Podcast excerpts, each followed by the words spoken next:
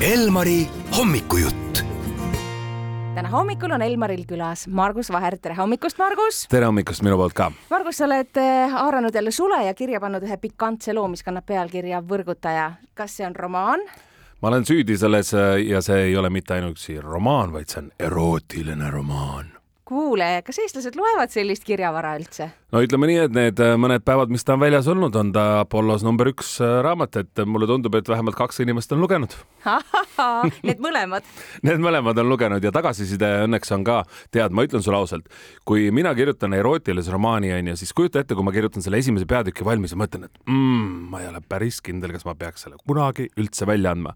aga siis ma küsisin paarilt äh, selliselt kirjastuse inimeselt nõu, et mis nad arvavad ja kuna mõlemad olid naissoost, siis nad ütlesid mm,, mind küll käivitab, kirjuta edasi. ja siis ma kirjutasingi ja, ja tundub, et vähemalt esimeste päevade jooksul mind ei ole veel risti löödud, nii et, et äh, seda positiivset tagasisidet on väga palju tulnud aga kasutame siis sinu teadmisi ära, kogu seda infot, mida sa oled endasse aastate jooksul talletanud ja siin valentinipäeva eel.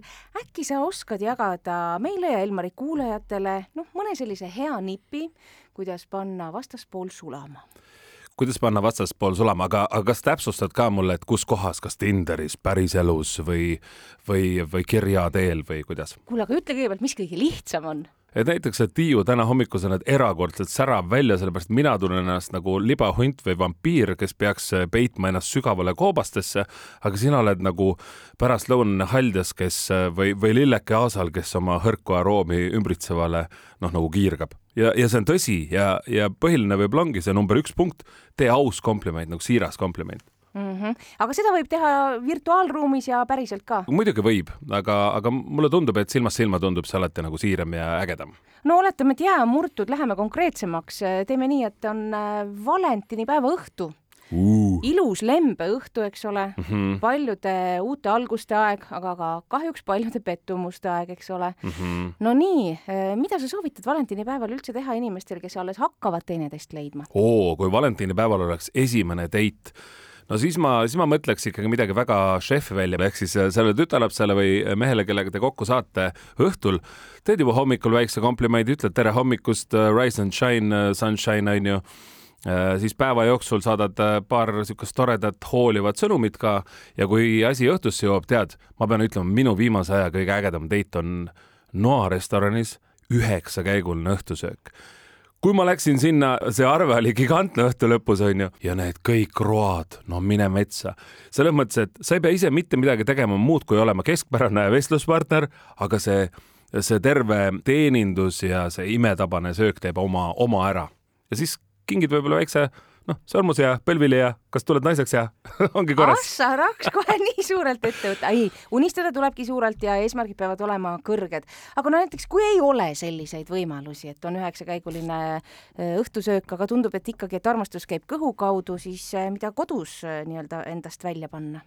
No aga äh, kodus on nii palju häid võimalusi, ma teeks näiteks, mis see on nagu wrap või, ähm, või ega mina ei tea nende nimesid, kõik wrapperid ja wropperid ja topperid, aga ma ütlen, et kui kodus tahta õhtu äh, ilusaks teha, siis ähm, ma teeksin küll hästi lihtsa õhtusöögi ja siis ütlen enda kallimale näiteks, et tead, nüüd sina lõõgastud ja ma teen sulle massaaži. kas, kujuta ette, Tiiu, kui palju tegelikult on neid inimesi, kes üksteisele kodus lihtsalt massaaži teevad, ilma et kohe läheks nagu kuumaks ja armatsemiseks ära, onju, kahe minuti järgi vaid nagu reaalselt pühenduvad oma partnerile, teevad endale mõnusat massaaži ja siis see, kuidas õhtu edasi läheb, see on, see on, see on omaette asi, aga ma tean, et mulle kingitusena väga meeldib see, kui mu naine teeb mulle massaaži. ma lihtsalt lõõgastun, ma lähen kosmosesse, mul on elulill. noh, kõige mm. lihtsam kingitus onju, aga toimib kuidas üldse näed, et kas inimesed võtavad praegusel kiirel ajal aega oma partnerile ja tegelevad sellise asjaga nagu romantika üldse? no ma arvan, et lahutuste protsent ei ole viimasel ajal liiga palju tõusnud, seega nad vist võtavad või siis oleme me kõik ära harjunud sellega, et äh, on aega natukene vähem, tempo on kõrgem, äh, eneseteostus selle võrra on suurem äh, ja kui võib-olla äkki partnerid on seda ära nagu omavahel avastanud, et, et oluline ei ole mitte see aja kestvus vaid kvaliteet. noh, nagu me rääkisime täpselt, kui sul on tund aega, tee oma armsamale musi, kallista teda, tee talle veerand tundi massaaži, jõuad veel ühe purksi ka seal vahel ära süüa ja naine on tegelikult terve nädal aega või mees on, on, on täidetud ja ta tunneb, et temaga on tegeletud ehk siis äh, väikesed igapäevased märkamise killud on vist kõige. ma ütleks küll nii, sest see on selline argipäeva romantika, aga see toimib, sellepärast et alati ei ole vaja mingeid teematsõrmuseid ja, ja ma ei tea, Ferrarisid ja, ja neid üheksakäigulisi õhtusööke piisab, kui sa oma kaaslast märkad äh, õigel hetkel tood talle lillekese või, või teed talle massaaži või teed ta lemmiktoidu ja ta on juba tegelikult väga õnnelik.